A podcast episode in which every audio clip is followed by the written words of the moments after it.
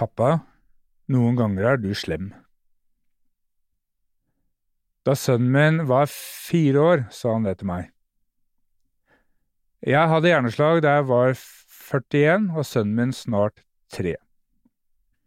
Hvordan påvirket det familien min, og hvordan har jeg kommet dit jeg er i dag, fem år etter?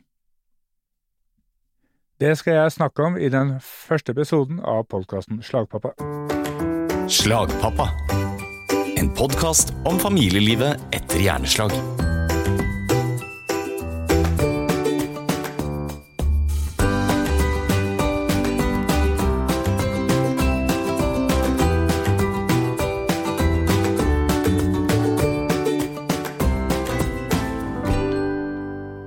Denne podkasten har jeg hatt lyst til å lage lenge. Målet er at min erfaring som ung slagrammet småbarnspappa kan være til inspirasjon og hjelp for andre som er eller har vært i en tilsvarende situasjon. Her er min historie. Onsdag 6. desember 2017 klokka 4.30. Jeg våkner av en grusom massiv hodepine mot pannen på begge sider. Det kjentes som om en sag gikk gjennom hjernen. Jeg hadde aldri kjent på slike hodesmerter før. Jeg syntes det var for tidlig, så jeg la meg rundt og prøvde å sove videre. Alarmen ringte 5.45, og da sto jeg opp. Jeg følte meg ekstremt sjanglete og ustø jeg smalt inn i klesskapet. Utrolig nok klarte jeg å komme meg ut på badet. Jeg hadde fortsatt massiv hodepine mot pannen. Konsentrert ned trappa til stua og mistet kontrollen mot krakken ved bordet. Fikk med meg klærne i forbifarten. Begge armene var som gelé, og da spesielt venstre. Jeg hadde delvis mistet følelsen i og mye av kontrollen over venstrearmen. Venstrehånden kunne plutselig bare slå ut i luften av seg selv. Jeg gikk konsentrert over stuegulvet mot sofaen, følte meg svimmel og kvalm. La meg ned og fikk lirket på meg buksa, et ork å få på T-skjorta la meg ned. Etter hvert klarte jeg å gå til kjøkkenet, men jeg måtte legge meg ned. Der lå jeg mens familien min, sønnen som da var nesten tre år, og kona mi lå og sov. Den morgenen ble starten på noe nytt. Mitt liv er et før og etter den dagen. For selv om jeg hadde det legene definerer som et mildt hjerneslag, har det satt dype spor i meg. Symptomene mine den onsdagsmorgen var svimmelhet, sterke hodesmerter, oppkast, balanseproblemer og lammelser. Du har kanskje hørt om prate, smile, løfte. Det er de tre funksjonene man gjerne sjekker først for å avklare om det er hjerneslag. Men jeg klarte å snakke, smile og løfte armene. Fortsatt hadde jeg slag. Jeg hadde blodpropper i lillehjernen, 41 år gammel. Veien fra sykesenga for fem år siden og dit jeg er i dag, tilbake som tilstedeværende familiefar og i fulltidsjobb, har vært lang. Jeg valgte åpenhet som min strategi tidlig. Fra slagavdelingen skrev jeg mitt første blogginnlegg. Og da jeg leste det her nylig, mens jeg planla denne første episoden, måtte jeg smile litt oppgitt på egne vegne. Men jeg tenker også at det er verdt å merke seg at jeg skrev det uten den kunnskap og forståelse jeg har i dag. Det er særlig To punkter som er verdt å merke seg. Ingen var i men, og jeg har vært heldig. Yeah right. De første ukene gjennom vinteren 2018 var jeg overbevist om at jeg var dømt til et liv i uførhet, mens jeg i dag, fem år etter, etter at jeg lå på kjøkkengulvet med slag, noe spissformulert, kan påstå at det kanskje nettopp var dette jeg trengte. For min del ble hjerneslaget en vekker.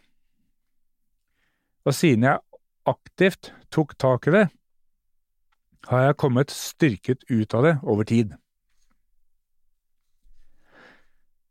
Livet før hjerneslag var preget av mange år med stress, og jeg har i ettertid innsett at jeg satte altfor høye krav til meg selv. Mine egne forventninger til skole, utdannelse og yrkesvalg ble en besettelse, og jeg hadde en tendens til å omgi meg med resultatorienterte mennesker som jeg trodde jeg kunne se opp til. I en årrekke var jeg blendet av mitt eget prestasjonsjag som jeg ikke forsto konsekvensen av. At jeg hele tiden strakk meg etter noe enda høyere opp, noe som jeg måtte kjempe enda mer for å oppnå, og en indre kritiker som fortalte meg at det ikke var godt nok, det jeg gjorde. Prisen jeg vant, var hjerneslag med fatigue og kognitive utfall som senskader. Jeg forsto etter hvert at langvarig stress kan gi høyt blodtrykk, som er en av de vanligste årsakene til hjerneslag. Slagpappa. Pappa, du er glemsk. Det har sønnen min sagt ofte.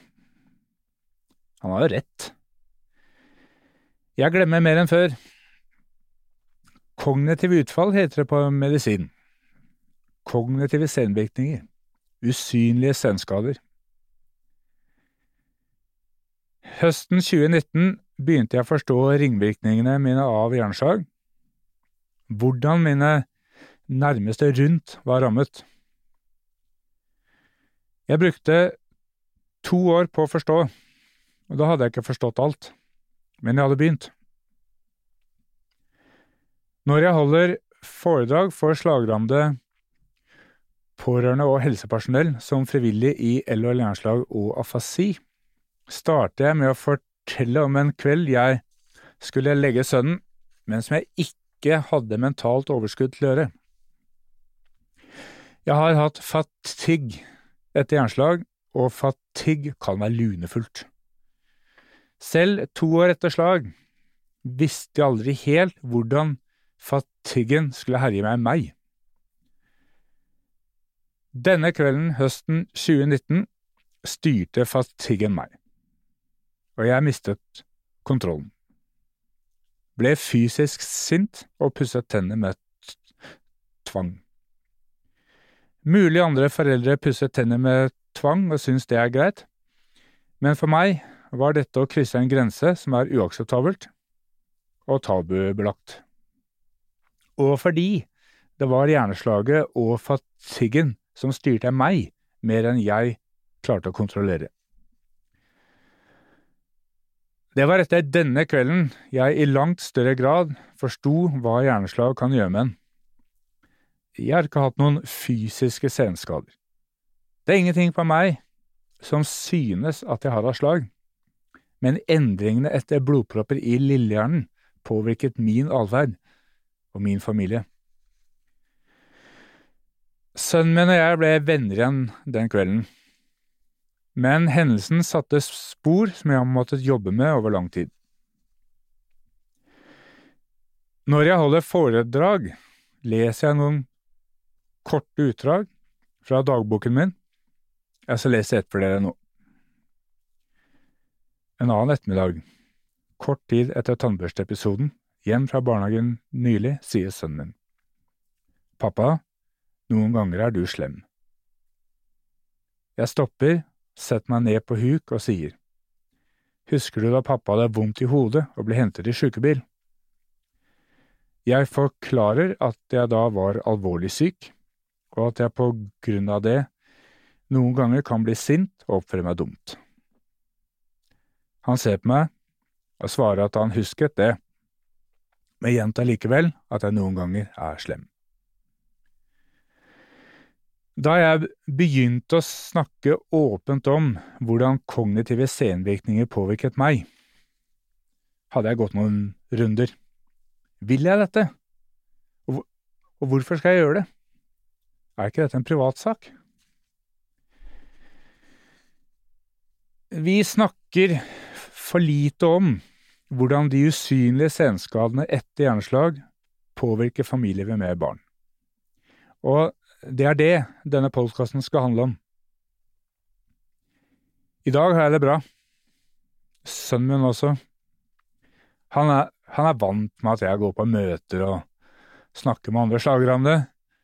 Han bare sier 'hjerneslag, hjerneslag, hjerneslag'. Jeg har vært på kognitiv rehabilitering på Sunnaas. Det var fantastisk. Individuelt tilpasset rehabilitering med dedikert, tverrfaglig helsepersonell. Og maten. Helt nydelig. Lange turer i skauen hver dag, og mye fysisk trening og kognitive øvelser.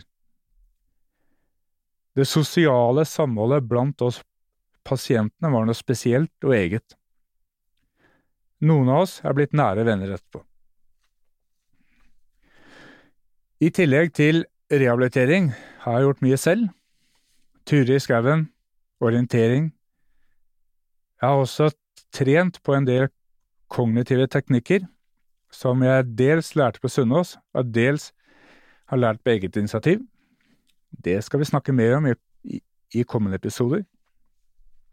Og så er det musikk. Jeg hørte mye på musikk i oppveksten, og det gjør jeg fortsatt. Musikk er min avkobling, en drømmeverden som bare er min. Nylig hørte jeg et foredrag med lege ved Haukeland universitetssykehus, Geir Olve Skeie, som fortalte om musikkens virkning på hjernen. Kort oppsummert, musikk er god hjernemedisin. Det var svært interessant å høre om hvilken effekt musikklytting har etter hjerneslag. Musikklytting kan bedre kognitiv og motorisk opptrening og depresjon etter hjerneslag. Nye hjerneceller lages, og nye nerveforbindelser oppstår.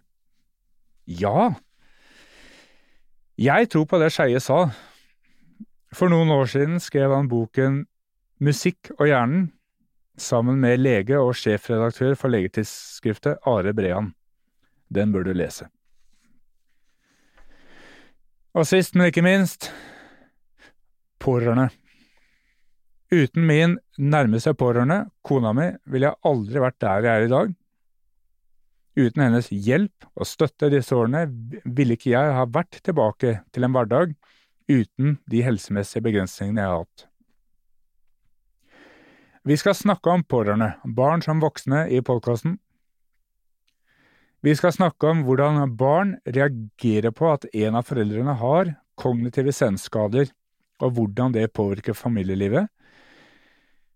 For det er etter min oppfatning en underkommunisert problemstilling innen behandling og rehabilitering av hjerneslag og ervervet hjerneskade, og et felt som det er forsket forholdsvis lite på.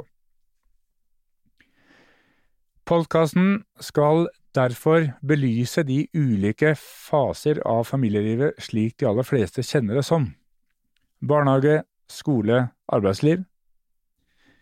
Målet med podkasten er å gjøre deg klokere på hvordan blir den nye tidsklemma når mamma eller pappa har hatt slag med usynlige senskader? Hvilke nye problemstillinger står familien da overfor? Hvilke tilbud har slagrammede og pårørende gjennom dagens behandling og rehabilitering, og hvor er det forbedringspotensial? Hvilke tilbud finnes e-, etter rehabilitering, og hva kan familiene klare selv å løse uten hjelp fra helsevesenet? Podkasten skal også komme nærmere inn på hva andre slagrammede og pårørende har gjort, som du kan ha nytte av. erfaringer man ikke nødvendigvis kan lese seg til. Dette var alt for denne gang. I de neste episodene kommer det gjester i studio. Og jeg setter pris på om du blir med videre. Er det noe du lurer på eller ønsker at vi skal ta opp i denne podkasten, send meg gjerne en e-post eller melding på Facebook eller Instagram. Du finner Slagpappa på Facebook og Instagram og på slagpappa.com. Podkasten er produsert av Megahertz Studio i Oslo og laget i samarbeid med LHL Jernslag og Afasi. Prosjektet er støttet av stiftelsen DAM. Mitt navn er Martin Aasen Drygt.